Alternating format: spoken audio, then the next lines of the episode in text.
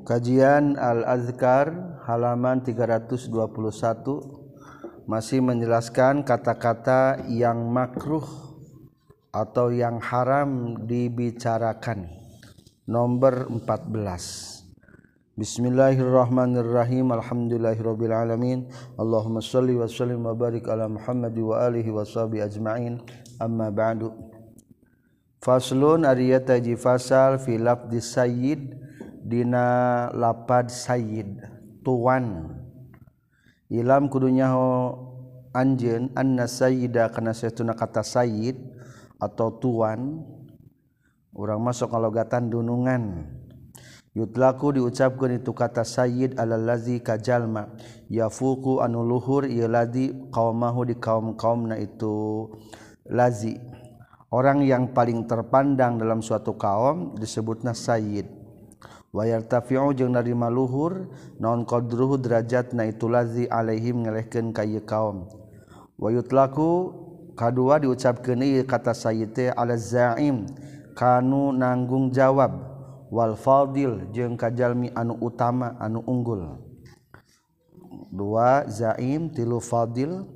Kaopat wayutlaku jeung ucapkeun kata sayyid alal halim kajalmi anu hilim. Allazi anu la yastafizu la yastafizu anu tengelehkeun hukasi halim non godobuhu ambekna halim.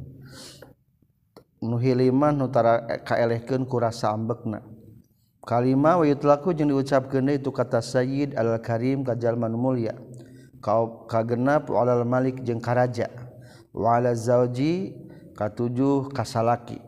Waqad ja'at jeung nyata geus datang naon pirang-pirang hadis kasirotun anu seueur bitlaki sayyid. Kana diucapkeunana kata sayyid ala ahli fadli ka pirang-pirang ahli nu utama. Di urang mah sayyid mah dipake ka para habaib. Sayyid habib lutfi sayyiduna sayyiduna. Lamun di istri mah di urang mah siti siti Nah, lamun di Arab mah syarifah. Lamun kata Rasulullah. Pamin zalika mangka tetap dina sapalihna penggunaan kata sayyid. Mari perkara rawi ngariwayatkeun kaulah kana itu ma dina kitab sahih Bukhari. Katam bi Abi Bakrah radhiyallahu anhu. Anan nabi kana satuna kanjing nabi sallallahu alaihi wasallam. Sa'ida bil Hasan ibni Ali radhiyallahu al minbar. Sa'ida naikeun kanjing nabi Bil Hasan Ibni Ali ka Hasan bin Ali radhiyallahu anhuma almin gubaro kana mimbar. Faqala teras nyaurkeun kanjing Nabi inna ibni hadza sayyidun. Inna ibni saytuna anak kaula hadza anu ieu sayyidun eta anu unggul. An al fadil wal ala loha jeung mudah-mudahan Allah ayusliha kana yen ngamaslahatkeun Allah bihi ka ieu ibni hadza hadnyaetakah Hasan bin Ali ini antara dua golongan minal muslimina di pirang-pirang muslimin. Jadi turun nanti saya Ali mata digunakan kata naon? Said ngariwayatkeun di kaulaina dua kitab Sahih Bukhari sareng Muslim katampi Tabi Sa'id Al-Khudri radhiyallahu an anna Rasulullah qala nyaurkeun Rasulullah lil ansari ka pirang-pirang sahabat Ansar lama akbala samang-samang samadab saha Sa'ad bin Mu'ad Sa'ad bin Mu'az. Ari Sa'ad Mu'az bin Mu'az teh pimpinan kaum Ansor. Kumu kudu nangtung maraneh kabeh ila sayyidikum ka sayyid maraneh kabeh. Ayo khairikum atawa kapang hadina ti maraneh kabeh. Ketika Sa'ad bin Mu'ad madab maka Rasulullah nyaurkeun madablah ka sayyid maraneh kabeh. kaza fi ba'dir riwayat sayyidukum. Tegasna pimpinan maraneh kabeh au khairukum atawa pangalusna ti maraneh kabeh. Wa fi ba'diha jeung tetep dina sapainehna kaol sayyidukum ai lapad sayyidukum wangko wungkul bigua disakin kalawan aya ragu. Tadi mah luhur bahasana duanya ila sayyidikum wa khairikum au khairikum. namun make kata aon hadisnya ciri rawina mangmang. Tapi dina qaul nu kadua mah tanpa mangmang cukup ulapan sayyidukum mungkul. Ngariwayatkeun kaulaina kitab sahih muslim kata Abi Abi Hurairah radhiyallahu anhu anna Sa'ad bin Ubadah radhiyallahu anhu qala Sa'ad ya Rasulullah Aro'aita kumah pendapat anjin ar-rajula kahiyalaki ya jidu anu mendakan yusrojul ma imroatihi sarta pamajikana yusrojul rojulan kajalaki nu sejen. Ayak tulu nah kudu ngabunuh itu si arrojul huka yusrojulan kumaha hukumna lamun salaki mangikeun pamajikana keur dipake kur batur. Faqala makanya Rasul, Rasulullah sallallahu alaihi wasallam unzuru ila ma yaqulu sayyidukum. unzuru kudu ningali maraneh kabeh ilama kana perkara yakun ngucapkeun saya sayyidukum pimpinan ti maraneh kabeh tanyakeun bae ka sayyid maraneh pimpinan berarti aya hukumanna nanya wa amma ma jeung ari napon ari perkara waludan datang itu ma finnahi dina larangan. Aya sebagian hadis nu nyebutkeun larangan kata sayyid mana wa amma ma warada fin nahi fama ta eta perkara. Rawayna ngariwayatkeun kaulahu kana itu ma bil isnad sahih. Kalaban sanad an sahih nasun abi daud katampi ti buraidah radhiyallahu anhu qala buraidah. Qala nyaurkeun sa rasulullah sallallahu alaihi wasallam la taqulu lil munafiqi sayyin. Ulah ngucapkeun maraneh kabeh ka orang munafik sayyin sayyin. Fa innahu maka lamun kabuktian si munafik yakun lamun kabuktian si munafik Saydan eta pamimpin pakod askhottumtahnya tagis nga benduken meraneh kabeh. Robbakum kaperan meraneh kabeh. Azza wajalla ke Allah. Azza wajalla maksudnya ya hadis berarti orang munafik mah tesah disematkan kata Sayyid ke orang munafik. Serta dia kudu ke ahli padri ungkul ahli utama. Lamun dipaksakan berarti orang teh berarti mata ngebendukeun ke Allah. Ben Allah benduka orang kurang tepat penempatan kata sayyid berartinya. Kultu ngucapkan kuring wal jamu jeung ari cara ngagabungkeunana atau ngumpulkeun baina hada hadhil ahadis antara ieu pirang-pirang hadis. Annahu kana satuna kalakuan jeung tingkah labasa teu naon bi itlaqi pulanin sayyid. karena ngucapkan lapad pulanun Sayyidun Ari si pulan eta pemimpin atawa ya Sayyidi he tuanku wasibu dalika jeung sabangsana itu pulanun Sayyidun atawa ya Sayyidi Iza kana di mana-mana kabuktian sahal musawad anu diucapkan kata sayyidna fadilan eta jalmi anu utama khairan anu alus. Jadi syaratna kudu fadilan jeung khairan. menang diucapkan kata Said imma bi'ilmin bohnaha utamaku ilmuna wa imma bisolahin jeung bohnaha kautamaan ku kasolehanana. Wa imma bi ghairi dzalika jeung atawa kusalian ti itu bi ilmin aw salahin wa in kana jeung sanajan kabuktian ieu si musawad nu diucapkeun sayyid fasikon eta nu fasik aw muttahaman atawa anu dianggap eh, salah fi dicipta salah fi dinihi dina agama na itu musawwad. Au nahwu zalika. Tadi teh punten wa amma bi ghairi zalika macana lain wa imannya wa amma. Wa amma bi ghairi zalika jeung anapun kasalianti itu biil itu fadilan au khairan wa in kana fas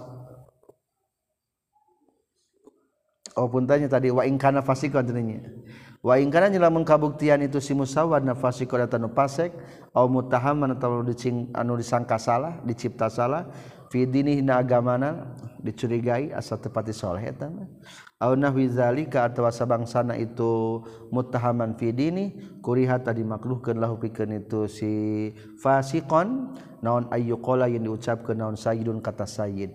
Temenang kanu pasek atau kanucan apal solehna orang nyebutkan wa Waqad rawaina katampi ti Imam Abi Sulaiman Al-Khattabi fi Ma'alim Sunan dina kitab Ma'alim Sunan fil jam'i dina ngagabungkeun bainahuma antara itu ahadis. Nyata hadis anu ngameunangkeun nya hadis anu ngalarang kana kecap sayyid. Kesimpulan ka 14 ulah nyebutkeun sayyid ka jalma anu pasek atawa dicipta salah. apal kasolehanana. Kalima belas. Faslun ari eta hiji fasal yukrahu dicari dimakruhkeun naon ayyakula ngucapkeun jalma al mulukul al muluk lima likihi. Al muluk ayakula al muluku ay kerajaan lima likihi eta pikir anu ngamilikna itu muluk. Rabbi tegesna pangeran kaula. Bal yaqulu balik tang ngucapkeun ka Sayyid ka lapad Sayyid. Wa insya lamun mah karep jalma kala tang ucapkeun jalma maula kana lapad maula. Teu meunang atau makruh ngucapkeun kata muluk karajana. Eh punten. Teu meunang ngucapkeun karaja naon? Rob rabbi diurang aya kata robinya ge makruh berarti ngaran robinya lamun Sayyid mate naon-naon atau nyebutan naon? Maulaya. Wa yukrahu jeung dimakruhkeun deui lil malik pikeun raja. Naon ayyakula yang ngucapkeun ya si malik abdi atawa wa ammati. Hei abdi ka dieu hambaku umpamana. Ammati atawa amat abdi hamba jangka wanita eta mah.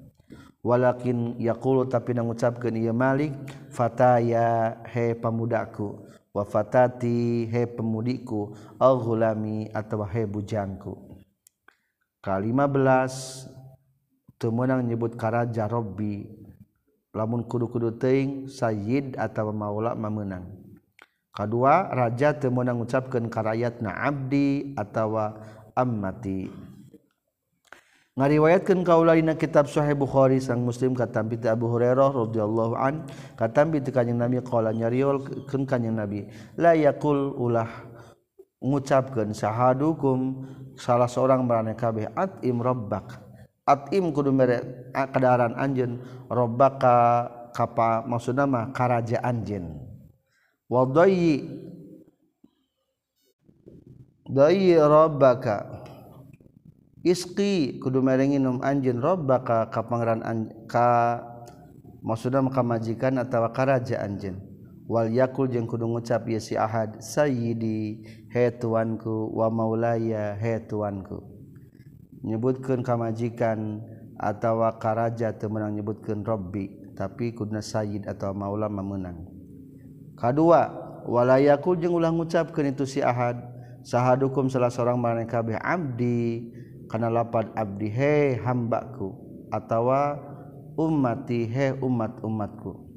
Wal yakul jeung kudu ngucapkeun ya si ahad tadi ummati amati amati merenya wal yak he amatku berarti yang ka wanita. Wal yakul jeung kudu ngucapkeun ya si ahad fataya he pemudaku fatati he pemudiku wagulami he bujangku.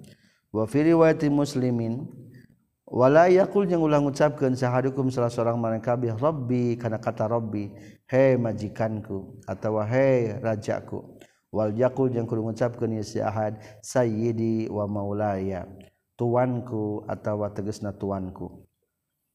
Kakasihnya biasanya di orang mah. Wa fi riwayatin yang naji riwayat deui lah masih kana kagungan muslim la yaqulan na ulah ngucapkeun sanyana sahadukum salah seorang mana kabeh abdi kana kata abdi wa ummati fakullukum mangkari sakabeh maraneh kabeh abidun eta hamba Allah. Allah nu jadi hamba kabeh kudu jadi hamba ibadah ka Allah. Wala yaqul jeung ulah ngucapkeun sal abdu hamba Robbi kana lapad Robbi hartosna he majikanku. Wal yakul jeung kudu ngucap ya si abdu sayyidu he tuanku. Jadi abid sarang sayyid gitu lain abid jeung Robbi wafi riwayatnya tetap menjadi riwayat lahu gangguan muslim layakulan na ulah ngucapkan sanyana sahadukum salah seorang mana kabeh? Abdi. Wa ammati kullukum marisa kabeh marane kabeh abidullah eta hamba Allah. Wa kullu nisaikum jeung ari pirang ari sakabeh pirang-pirang istri ti marane kabeh imaullah eta pirang-pirang amat Allah. Ari ka pameget mah disebut abdu ka istri mah amat. hartosna mah hamba-hamba kene. Walakin liyakul tapi nak kudu ngucapkeun ieu si jalma atau ahad gulami kana kata gulamu. He bujangku wa jariyati he bujangku kene. Gulama jeung pameget jariah mah jeung ka istri. Wa fataya jeung pamudaku wa patati jeung pemudiku. Kul tu ngucapkeun kalanya urikeun sal ulama-ulama. layut laku temenang diucap ke non arrobu kata robu bil alifi walami illa alallahi ta'ala kajaba kalau ta'ala khosotan kalawan tangtu. Fa'amma ma'al idofati maka anapun sartana diidopatkan payuqalu maka diceritakan non robbul mal wali pelaman robunanya anu ngabogaan harta atau rabbud dar pemilik ima wa dalika jeung salianti itu rabbud dar waminhu jeung tetap tina sapalihna itu rabbu ma'al idofat qalu nabi ari kasaruan kanjing nabi sallallahu alaihi wasallam fil hadis sahih fi dolatil ibil di jalmai anu kalengitan ontana. Da'a hatta yalqaha rabbuha. Da kudu ngantep anjeun hakan eta ibil. Hatta yalqa sehingga mendakan hakan eta ibil saha rabbuha pemilikna eta ibil. Papan rabbu didopatkeun teu naon-naon. Wal hadis sahih jeung hadis sahih. Hatta yuhimma rabb bal mali may yaqbalu sadaqatahu. Hatta yuhimma sehingga menuju saha rabbal malika pemilik harta sahaman jalma yaqbalun bakal narima itu man sadaqatahu kana sadaqahna itu rabbal mal. Wa qala umar jeung sariasan umar radhiyallahu an fi sahih rabbus sarihah Robus sorimah wal ghanimah. Robus soraimah pemilik sekumpulan hewan. Wal gunaimah jeung pemilik gunimah sedikit. Wa nadhairuhu jeung ari macam-macamna atau banding-bandingan kata rubat robus suraimah wal gunaimah fil hadis hadis kasirat jantan seueur masyhurah. wa masti'malu jumlati syar'i zalika jeung anapon ari penggunaan secara garis global nah hukum sara. Dalika kana penggunaan kata robbu fa amrun tata perkara masyhurun anu geus masyhur ma'rufun anu geus dikenal ku para ulama. Qala nyaurkeun itu saha al ulama ulama wa inna ma kuriha jeung pasti na dimakruhkeun itu kata robbu lilmak lil mamluki pikeun anu dipimilikna ayyaku yang ngucapkeun itu si mamluk limalikihi karajana itu mamluk rabbi kana lapad rabbi. Li anna fi labdihi karna sayatuna tetap lapad rabbi musyarakatullahi taala ari ngaberjengan ka Allah taala fi rububiyati dina rububiyahna. Ay rabbi mah jang kajalma man ngurus lamun ka Allah mana robot teh? uh, mana teh pange pangeran. Ngan kunut apalun juga akur juga pangeran. Wa amma hadisu hatta yalqaha buha anapun ari hadis kata hatta yalqaha rabbuha sehingga mendakan kana eta ibil.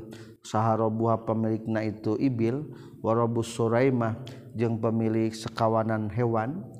wama jeung hadis-hadis fi ma'ana huma ina samana itu hatta yalqaha rabbuha wa rabbu suraima fa inna mastu'mila.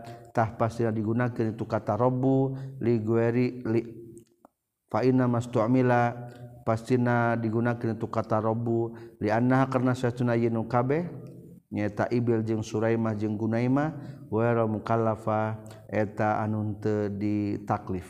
Fahiya mangkari tugor mukalafateh kadari sapertikeun imah wal mali jeung harta. Wala saka jeung teu ragu deui naon anusna kalakuan jeung tingkah la karohata taya makruh eta tetep fi qali rabbid dar wa rabbil mal. Dina ucapan kata rabbil dar pemilik imah wa rabbal mal jeung pemilik harta. Wa ma qalu yusuf jeung anapun ari kacau kasauran nabi yusuf sallallahu alaihi wasallam. kuzkurni inda rabbik. Surat Yusufnya. Uzkur kudu nyaritakeun anjeun ka kaula inda rabbika. Disandingan raja anjeun. Bejakeun ka raja kuring teh geus ampir 80 tahun di penjara. Fa'anhu maka tina itu qaul Yusuf jawabani. Eta tetep fa'anhu maka tetep tina itu qaul Yusuf jawabani. Ari aya dua jawaban. Ahaduhuma salah saya jawabani. annahu kana saytuna Nabi Yusuf khotoba nyaritaan itu Nabi Yusuf hu ka itu jalma ka baturan Nabi Yusuf bima ku bahasa ya'rifu anu kenal itu serencangna sohib gadama letunya khotoba nyaritaan Nabi Yusuf hu ka sohib bima ku bahasa ya'rifu anu kenal itu sohib hukana ieu wajaza jeung menang non hadal isti'malu ieu penggunaan di darurati karena aya nama madarat. Kama sapertikeun perkara kula nyaurkeun sa Musa sallallahu alaihi wasallam misamiri ka Musa samiri wangzur ila ilahika. Wangzur jeung kudu mikir anjeun ila ilahika ka, ka pangeran ciptaan anjeun maksudna maka samiri. Anu nyieun patekong tina anak sapi tina emas. Nyebutan teh ilah. ay maksudna ma ay lazi tegasna anu ittakhadda anu geus kajadikeun anjeun hukana ieu lazi ilahan kana pangeran. Wal jawabu tsani jeung ari jawaban anu kadua anna haza kana saestuna ieu kaul Yusuf syar'un eta hiji ajaran syariat agama min qablina timame samemeh urang sadaya. Wa syar'un jeung ari syariat atau ajaran min qablina tisame urang sadaya. La yakunu eta teu kabuktian tu syar'un min qablina syar'an eta ngajadikeun hukum syara lana pikeun urang sadaya. Iz waroda karena nyata geus datang naon syar'una ajaran urang sadaya bi khilafihi kalawan jeung beda syar'un min qablina. Wa hadza jeung ari ieu wasarun min qablina la yakunu syar'an lana la khilafat aya ikhtilaf eta tetep fihi na ieu haza. Wa inna ma akhtalafa jeung pasina geus ikhtilaf saha ashabul usul pirang-pirang ahli usul usul usul ahli asal. Goyatul usul usul. Fi syar'iman di syariatna jalma qablina anu samem fi syar'in dina syariat min qabilati samem urang sadaya. Iza lam yari di mana mah datang naon syar'una ajaran urang sadaya. Bi muwafaqatihi kana ngakulan itu syar'in min qablina. Wala mukhalifatahu jeung taya nu nyelayaan kana itu syar'un min qablina. Hal yakunu nah kabuktian itu la mukhalifatuhu syar'an tengah jadikeun syara lana pikeun urang sadaya amla atawa henteu Itulah nomor 15 harap pengucapan kata Robbi ke raja atau ke majikan. Faslu nyari taji fasal Qala Imam Abu Ja'far An-Nuhasi fi kitabihi da kitabna Abu Ja'far An-Nuhasi sana fi sana'atul kitab. Ammal maula anapun kata maula fala na'lamu man kata terang kaula ikhtilafan kan ikhtilaf bainal ulama antara pirang-pirang ulama annahu kana sunah kalakuan jeung tingkah layan bagi terpenting. Dia hadin pikeun jalma aya kula kana ngucapkeun si ahad di ahli kaji jalma deui minal makhluqina ti makhluk sadaya maulaya kana lapad maulaya. Hei kakasihku hei tuanku nya sami. Kultu ngucapkeun kaula wa qad taqaddama jeung tegas ti heula fil fasis sabik dina pasal nu ti heula nembe naon jawazu itlaqu maula. menang na kata maulawala mukhalafata jeung tayanu ngaihtilapan atau menyalahi. Bainahu antara itu itu itlaku maulaya wa baina hadza jeung antara ieu fa inan nuhasa maka saytuna Abu Ja'far an-Nuhas takallama nyarioskeun itu an-Nuhas fil maula dina kata al maula bil alifi wal lami. Anu make alif lam. Wa kadza jeung tanya kitu deui qalanyorkeun sa nuhas Syekh Abu Ja'far An-Nuhas yuqalu diucapkeun naon sayyidun kata sayyid godel fasiki pikeun salian tinu pasek. Wala yuqalu jeung teu meunang diucapkeun naon as-sayyidu kata sayyid bil alifi wal lami li ghairillahi ta'ala pikeun salian ti Allah. Wal azharu jeung alin leuwih jelas anu kana sunah kalakuan jeung tingkah la ba'sa teu naon-naon biqauli ku ucapan jalma al maula kalapan lapan al maula wasayyid jeung lapat as-sayyid bil alifi walami bi syartihi kalawan syaratna itu qaul as-sabiq anu geus diheula nyaeta lain goril fasiknya. Kesimpulan teu larangan dina masalah ngucapkeun maula ayanya ngaran umpamana teu maulana Ustad Maulana. Teu naon-naon teh larangan. Maula mah. Fasluna rita fasal finnahi dina larangan ansabir rih tina nyarekan angin. Ka 16 larangan ulah sok nyarekan angin. Waqad taqaddama jeung nyata geus lanon al hadisani dua larangan hadis bin nahyi dina ngalarang an sabbiha tina nyarekan itu rih wa bayanu huma jeung ngajelaskeun itu hadisani fi babi ma yaqulu iza hajatir rih. Di payun aya babu ma yaqulu iza hajatir rih.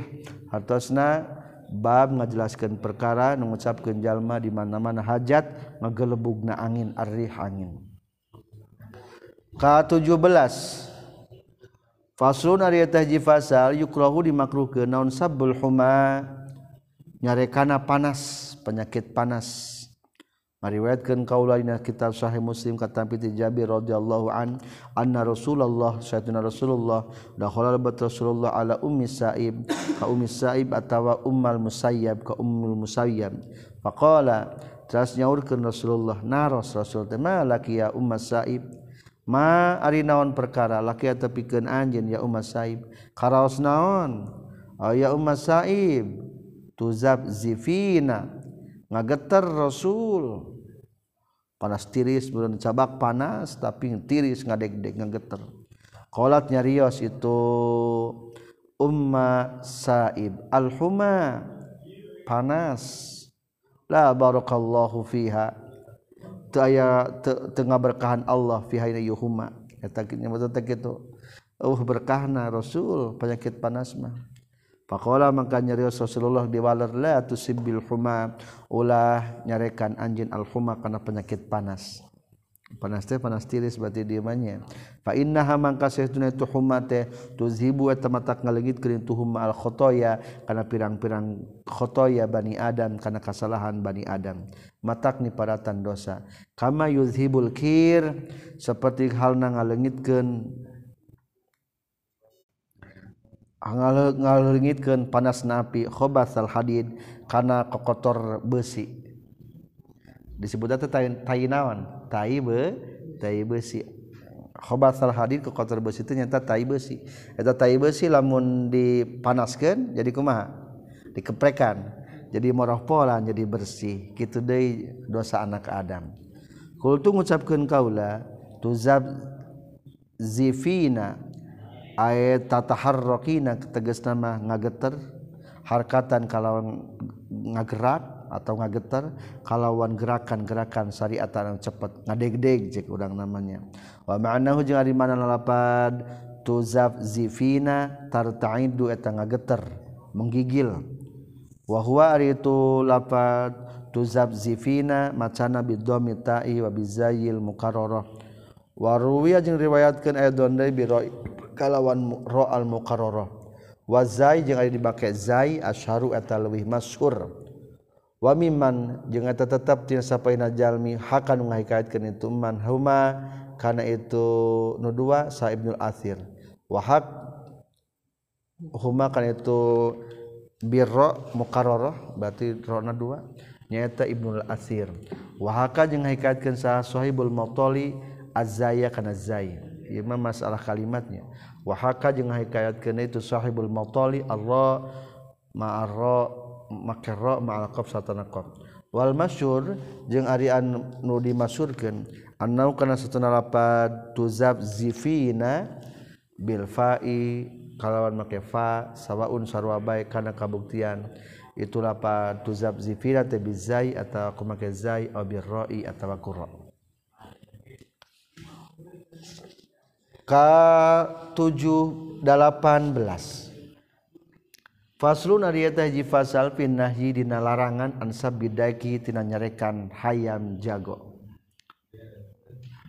Jam tilu kongkrongo digebah ke orang eh, kersare ngaganggu. Ulah pepeje.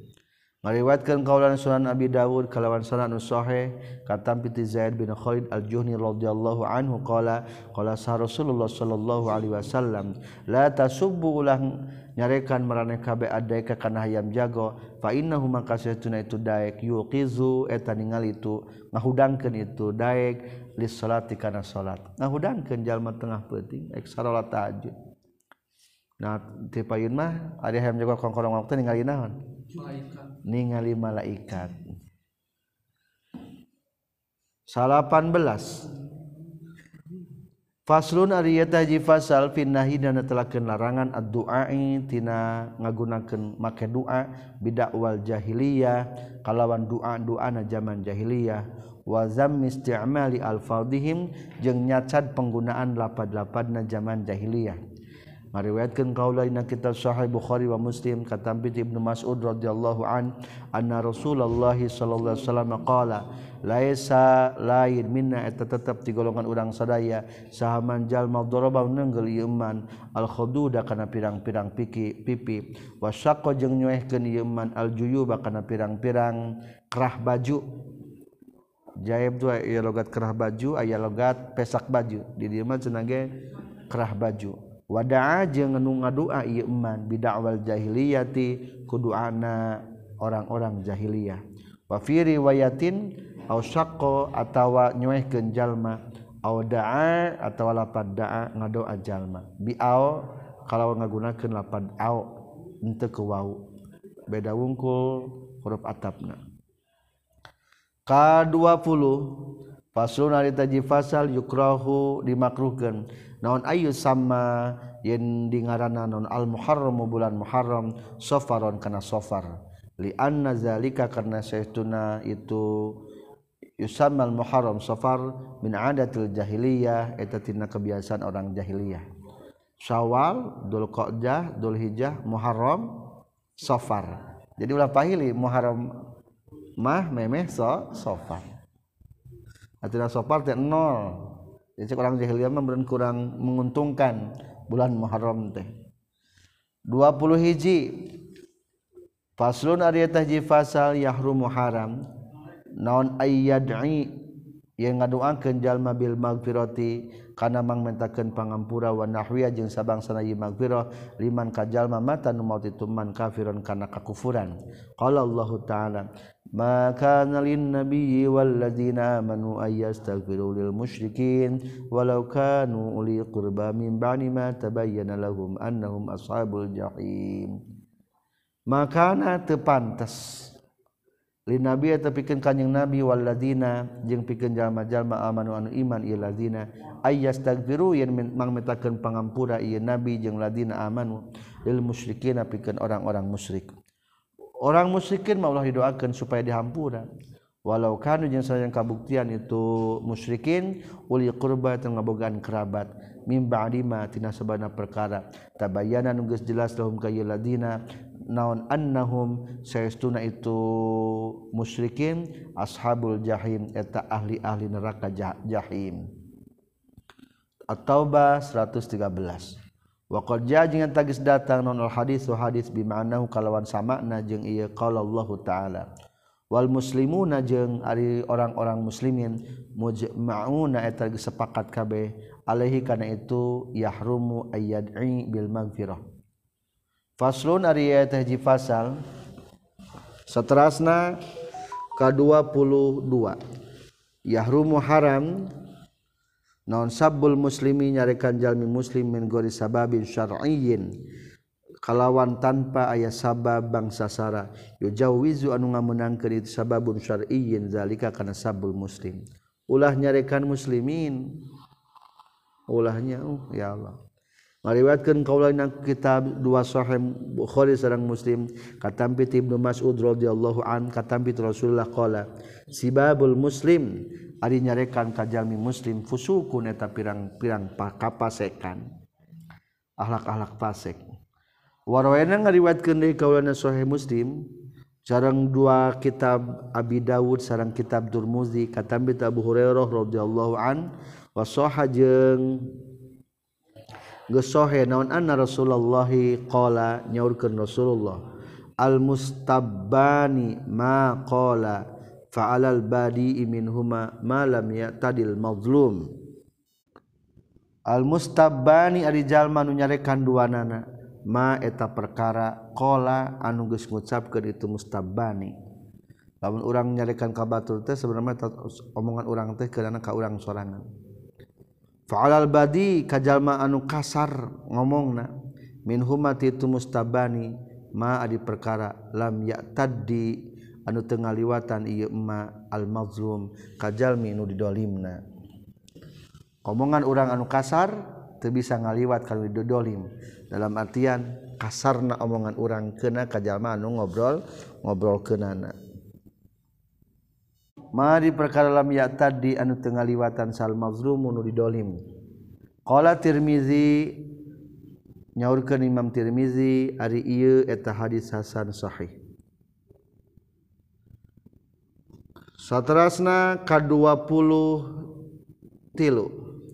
Faslun ari ieu eta hiji fasal wa min al-fazil mazmumah jeung eta tetep dina lapad-lapad dipoyok al-musta'mal digunakeun fil adat dina adat. Qaluhu ari ucapan jalma liman ka jalma yukhasimu anu maduan jalma hukaiman ya himar ya tisa ya kalab udah sok ngomong gitunya hei himar hei tis hei anjing bagong. Jadi makruh ketika orang papasiaan ya himar he himar keledai. Ya taisu he kambing hutan. ya kalbu. Hei anjing. Wana huzalika jeung sabangsana ieu kalimat fa hadza mangka ieu kaol qauluhu liman yukhasimu. Qabihun eta goreng liwajhaini karena karena dua jalan. Ahadu ma salah satu wajhain annau satuna jalma kadzaba tagis bohong jalma. Lamun nyebutkeun ka jalma himar berarti sabohong. Wal akharu jeung Ari anu sejena anu setuna jalma izaun eta milaraan. Ngan jadi kena teh batur. Wahada jeung ari ieu bihilafi qalihi kalawan beda jeung ucapan jalma hayal zalimu hanu zalim wa nahwi jeung sabangsana ya zalim lamun kata ya zalim termasuk ngabohong teu. Fa inna zalika mangka satuna kata ya pad ya zalimu yusamahu eta dimurahkeun. Naon bihi kata ya zalimu lidaruratil mukhasamati karena madaratna papaseaan papaduan. Ma nau sarta sayastuna tu lapaz zalim teh yasduku eta sok aya benerna itu kata zalim goliban secara galibna. Ya zalim he zalim rumasanya abi masuk aya naon sok aya dosa dosa nah betul menjalma dosa mah. Dolim teh ya dolim kasorangan. Pakola mangka seutik pisan sa insanun manusia illa wahwa kajaba bari ari tu si insan teh zalimun eta nu zalim di nafsi ka dirina tu si insan wali ghorihi jeung kasalian ti insan. Saterasna perkataan anu dilarang nyata kadu opat. Faslun ari eta hiji fasal qala nyariosaha An-Nuhas Syekh Nuhas Abu Ja'far An-Nuhas Karoha geus mikangewa sabadul ulama. Sapegian para ulama ayu qala yen dibahas caritakeun non makata makana ma'i khalqun illallah. Maka na teu aya ma'i sarta urang sadaya saha khalqun makhluk illallahu kajaba Allah. Duh teh sah sah ieu teh ge Allah. Makruh ngucap ngomongan kitu. Kultu ngucapkeun kaula. sababul karohati jeung ari sabab makruhna bisyaatul labdi eta goreng nalapad min haitsu annal asla karena saestuna asalna ma fil istitsna dina istisna ayyakuna tin kabuktian tu istisna muttasilan ta istis itis istitsna muttasil. Naon ngaran istisna muttasil? Satu kelompok jenis makanal mustasna jinsan lil mustasna minhu laloba nama gitu. Komal qaumu illa zaidan. Lamun komal qaumu illa himaron. Nah, eta mah guar mutasil. Mun pasil berarti istisna. Taya gitu aya deui makhluk kajaba Allah. Jadi sepintas Allah teh berarti naon atuh? Bisa dianggap makhluk maka hukumna makruh para ulama ngamaklukkeun wa huwa jeung ari itu kaul huna di dieu muhalun eta nu mustahil. Wa innamal muradu jeung pasti ari dimaksud huna di dieu mah al istisnaul munqati eta namina istisnal munqati. Mustasna lain bagian mustasna minhu disebut namun kote contoh fasa jadu illa iblis. Malaikat bersujud ke, kecuali iblis. Pertanyaannya iblis malaikat lain? lain. Etama istis namun kote. Dua jenis yang berbeda. Tawa takdiruhu adi takdirna tina itu kata makana ma'i khalqun illallah. Karena kabuktian sa Allah Gusti Allah ma'i satana kaula. Makhudun anu cokot min qalih tindawuhan jalma. Wa huwa ma'akum aina ma kuntum? Wayan bagi yang penting ayu qala ikeun diucapkeun naon badalu hada gaganti kana tina kata ieu makana ma'i khalqun illallah. Naon makana ma'i ahadun illallahu subhanahu wa ta'ala. Ulah ku khalqun atau ku ahadna menang kene.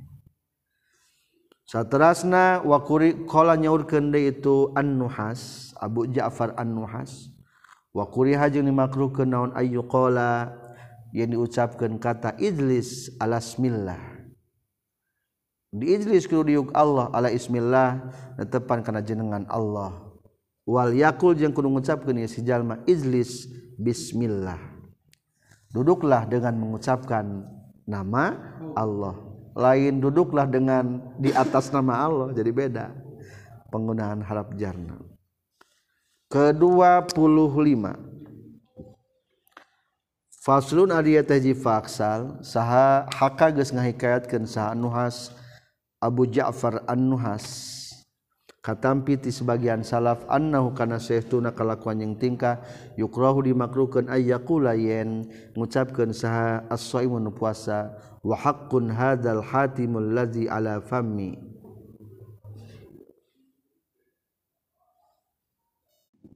hakun jeung eta hak hadzal hatimu ari kepastian alladzi anu ala pami kana cangkem kaula. Wahtaja jeung tos ngadamel hujja itu Syekh An-Nuhas lahu kana itu yukrahu ayyaqul lisaim bi annahu kana saestuna kalakuan jeung tingkah innama yahtimu pastina pasti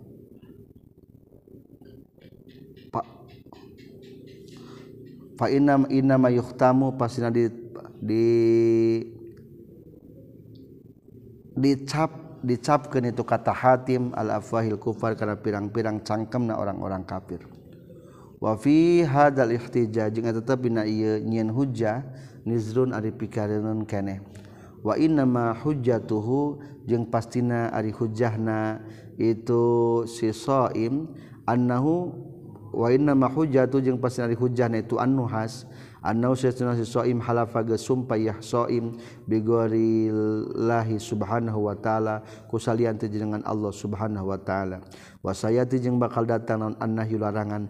Andalikatina itu kata halfun bigor subhanahu Wa ta'ala.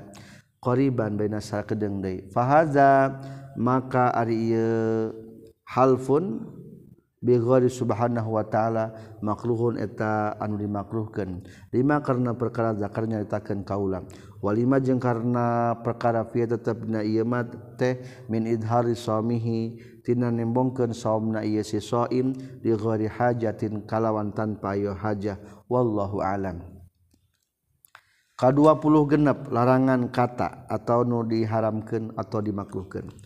Paslon dari ka ieu eta pasal. Ngariwatkeun kaula na kisunan Abi Dawud katampi ti Abdur Razzaq katampi ti Muammar katampi ti Qatadah atawa salianti Qatadah.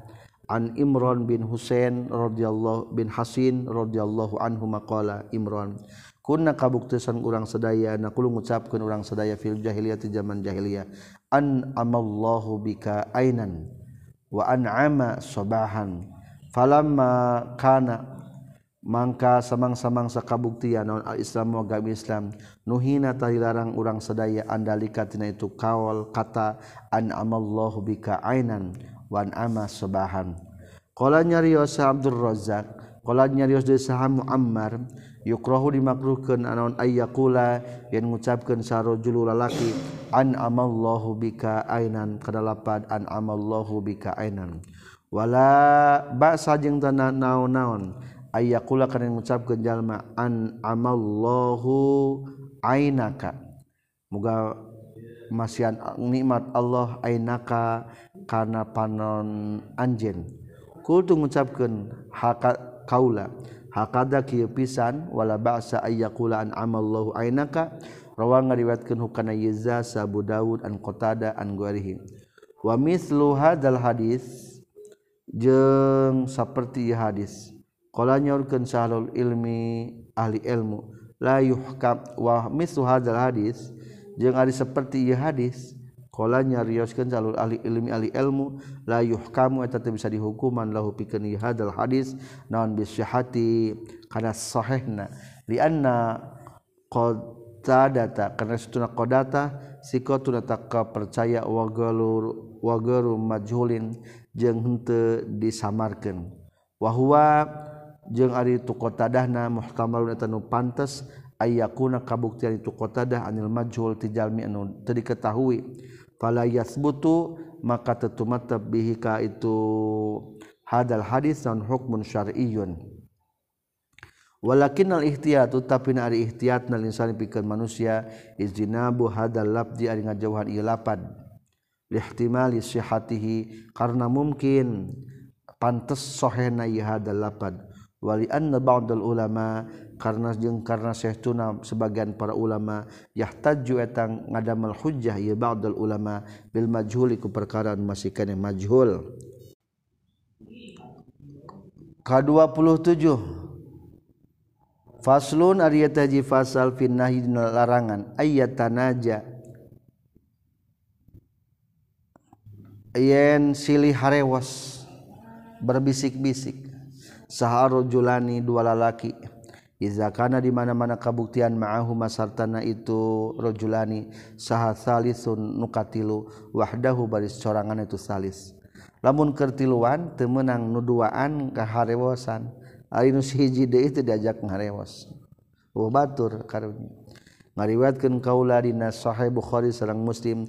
Katampi ti Ibnu Mas'ud radhiyallahu anhu qala Ibnu Mas'ud qala Rasulullah sallallahu alaihi wasallam iza kuntum di mana-mana kabuktian maraneh kabeh salasatan eta kertiluan fala yatanaja.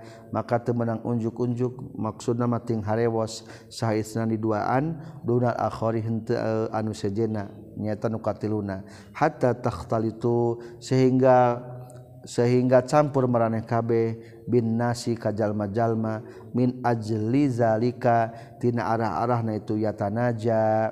Yuhzinu anu mata ngabrihatinkan itu zalik huka itu si akhir matak sedihkan karunya. Tapi lamun kelobaan mata naon-naon.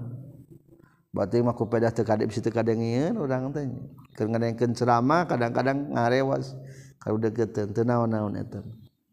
Ngariwayatkeun kaula dina dua kitab anu sahih Bukhari sareng Muslim katampi ti Ibnu Umar radhiyallahu anhuma anna Rasulullah qala iza kanu di mana-mana kabuktian jalma salasatan eta anu tiluan fala yatanaja fala yatanaja maka teu meunang ting harewo saesna dua jalma duna salisi kalawan tanpa duna salisi henteu anu katiluna. Kajabala mun tiluna diajak ngobrol ngarewas meunang ngariwatkeun kaulanya Sunan Abi Dawud wazada jeung nambihan deui itu Abi Dawud. Kala nyaurkeun sahabu Shalih Ar-Rawi katampi ti Ibnu Umar qultu ngucapkeun kaula li Ibni Umar ka Ibnu Umar. Fa arbaatun kumalamun opatan Ibnu Umar qala nya Ibnu Umar la yadurru teu madarati arbaah ka ka anjeun. Lamun opatan mah kajen kurang ngahariwas duaan. Soalnya berarti itu naon aya parnan, aya ngariwas dengan ngahariwas bae deui. Jika budak leutik cek dengan harewas, lamun geus diharewas saingan. perkataan anu makruh atau nu haram nomor ke-28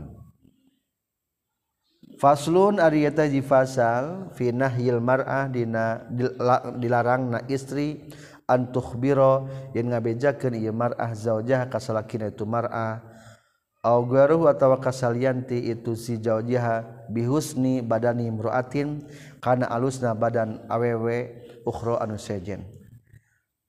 awew temenang nyaritakan kagelisan batur kasalakina. Atau karena jadi hayangnya atau kabatur deui iza lam tad'u di mana-mana tengajak ilahi kana itu ikhbar antuh biro maupun lapat antuh biro non hajatun syar'iyah keperluan bangsa sara min rogbatin nyatana tina ngararesep fi zaujiha dina nikahna itu si imar'a wa nahwi zalika sabang sana ulah nyaritakan kabelisan kagelisan aww batur kasalaki sorangan kajaba lamun kaj lamun urang dipenta patwa kajalmun rek maksud kawina teu naon-naon. Ngariwayatkeun kaulanya sahih bukhari sareng muslim kata ibnu mas'ud radhiyallahu anhu qala qala qala nyorkeun sa rasulullah sallallahu alaihi wasallam la tubashiril mar'ah al mar'ah fatasifuha li zawjiha. la tubashir ulah ngabarengan salmaratu awewe almarata ka awewe deui. Ulah babarengan awe jeung awewe. Geus kitu patasi tuluy nyipatan itu si almaratu haka itu almarata rizauji zaujiha kasalkina apana apana? Da tadi mah si neng eta mah uh mulus teh. lamun disebutkan mulus kumaha cing kabayangan kulalaki mah. Akhirna kaannahu kaya-kaya itu si jawaz yan duru eta ningali ieu si jawaz ilaiha ka itu mar'ah kudu sipantenna nek mata kabayang.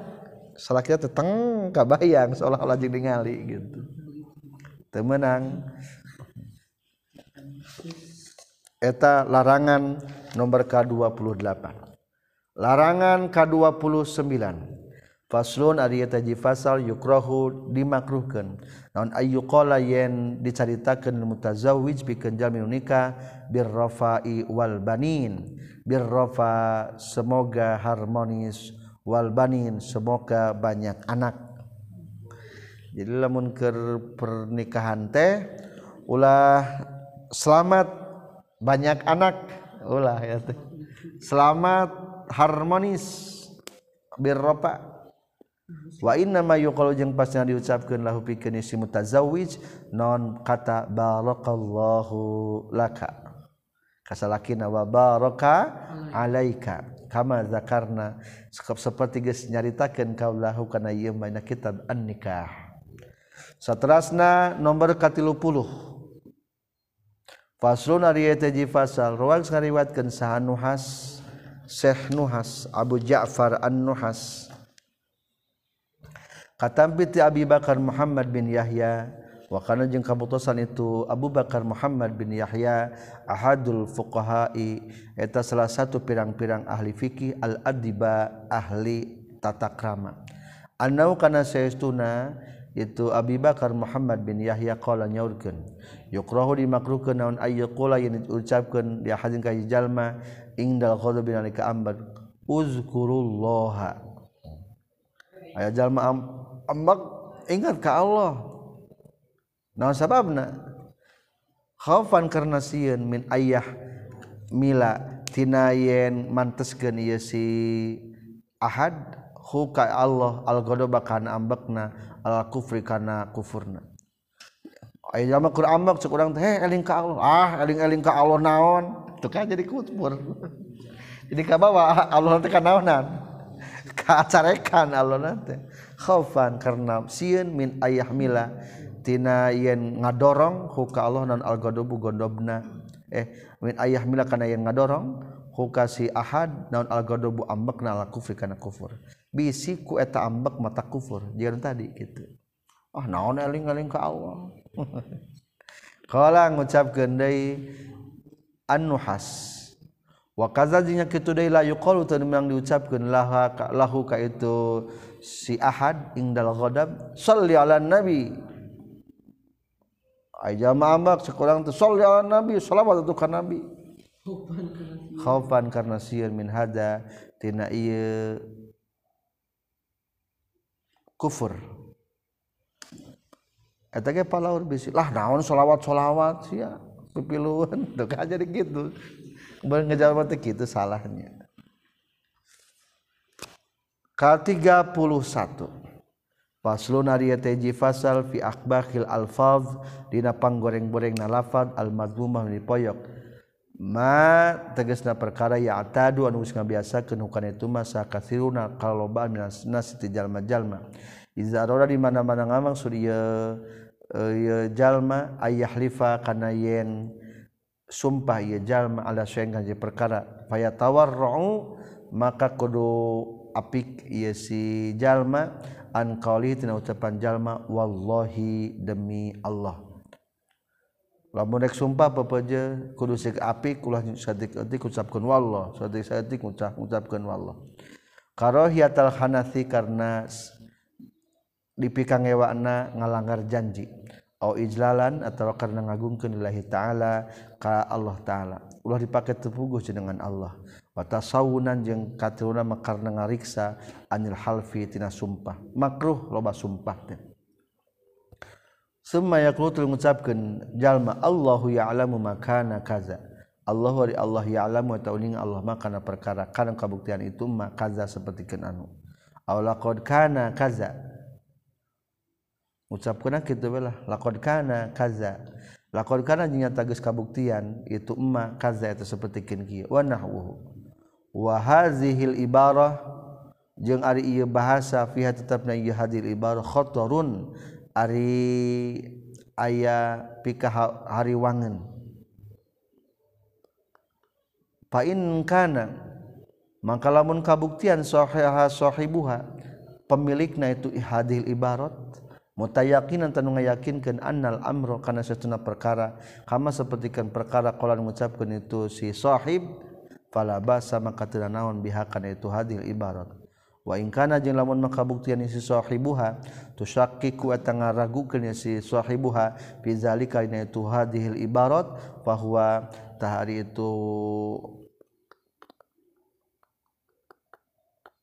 bahwa mangkar itu hadil ibarat atau si sahibnya min akbahil qobaih eta tina panggoreng-gorengan goreng.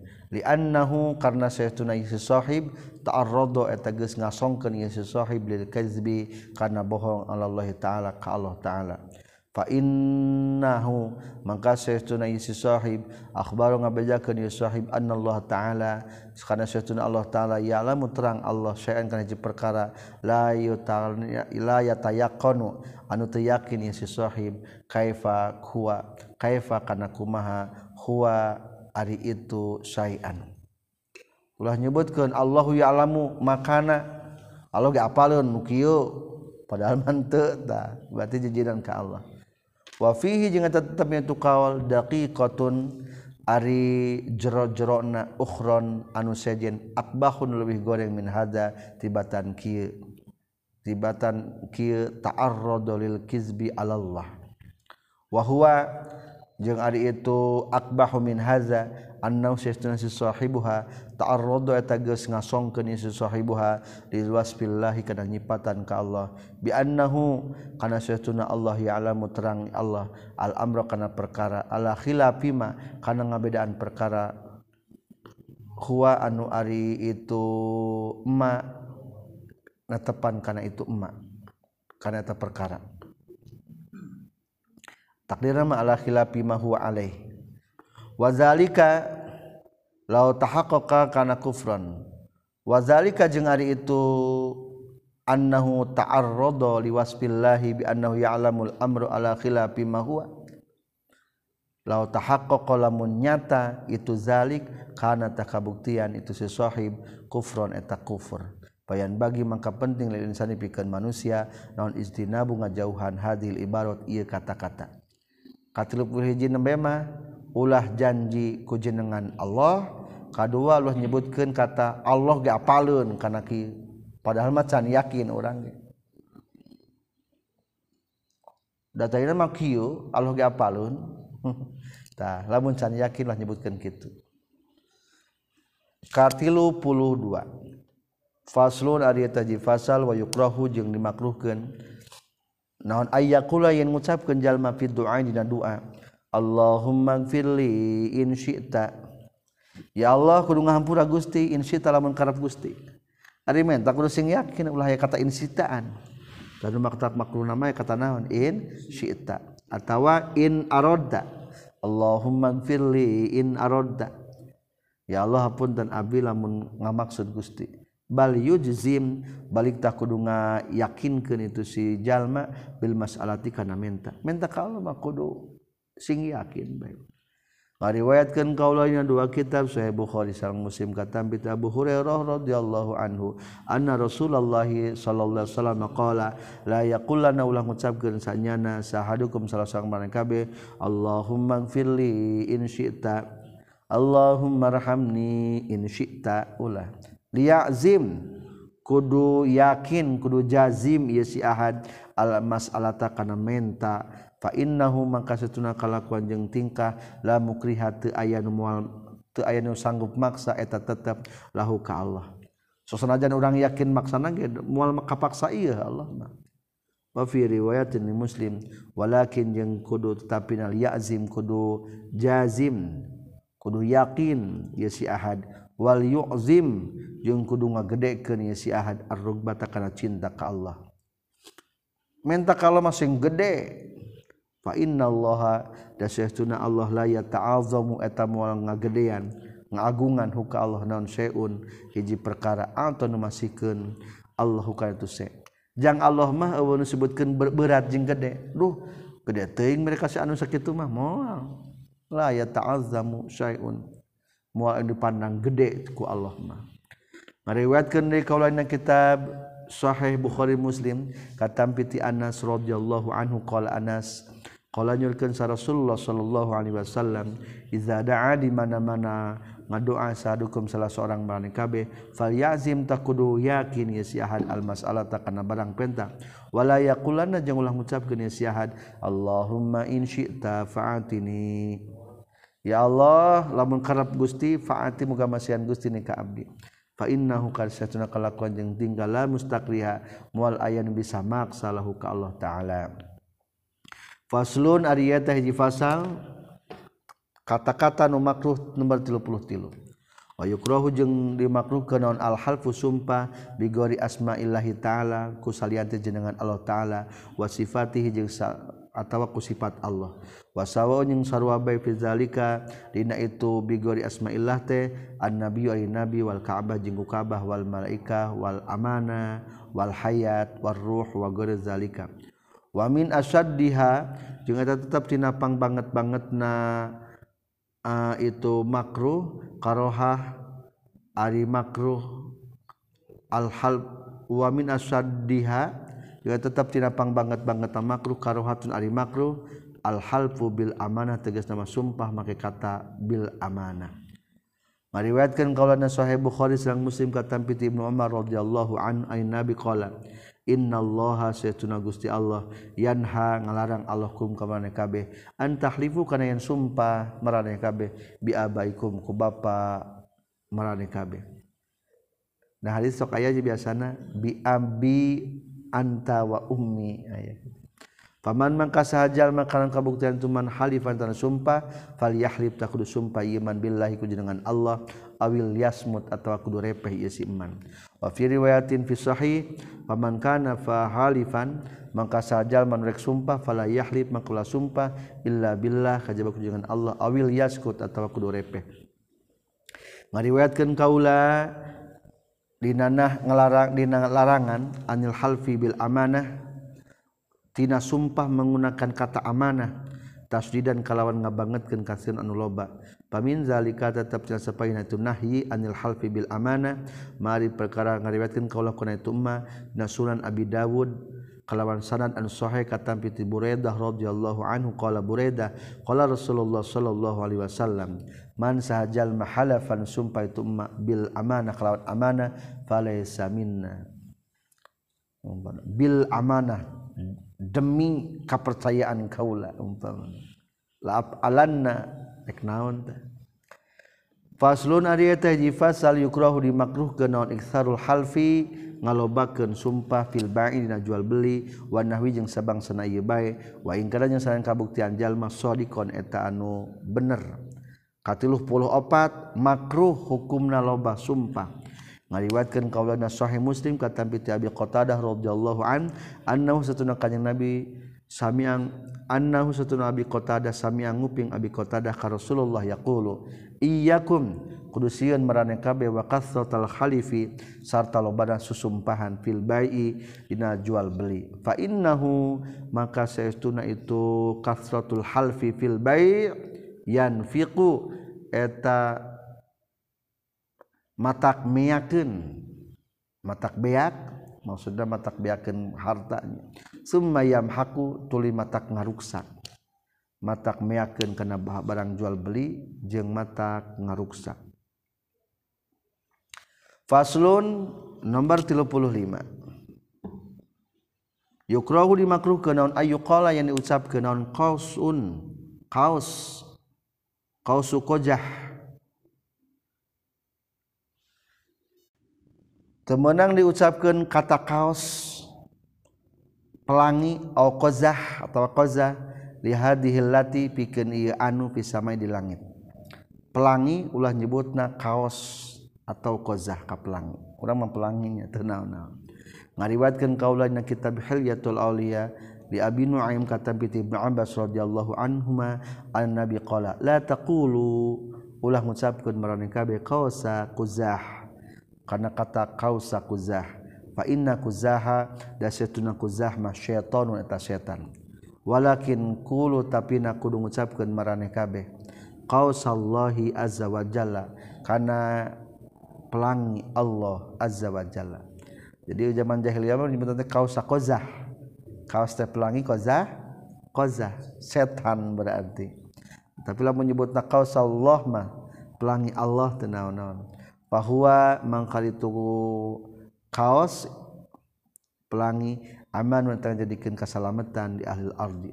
Kul tuari ngucapkan kaulah kozah bacana bil dhamil qafi wa fathizai Qalal Juhari geus ngucapkeun juhari wa gharihi hiya ari itu lapad gua rumah masufah teu bisa ditasrif wa taqulu jeung ngucapkeun hukana ieu sal awam nu awam qadah kana lapad qadah nu teu apa qadah cenah qazzah teh. Wa huwa jeung ari itu qozah. Wa huwa sareng ari qadah tashifun eta salah baca. Daku nama naon? Qozah. Itulah sampai nomor 35 perkataan yang makruh atau yang haram diutarakan masih berlanjut subhanakallahumma bihamdika asyhadu an la ilaha illa anta astaghfiruka wa atubu ilaik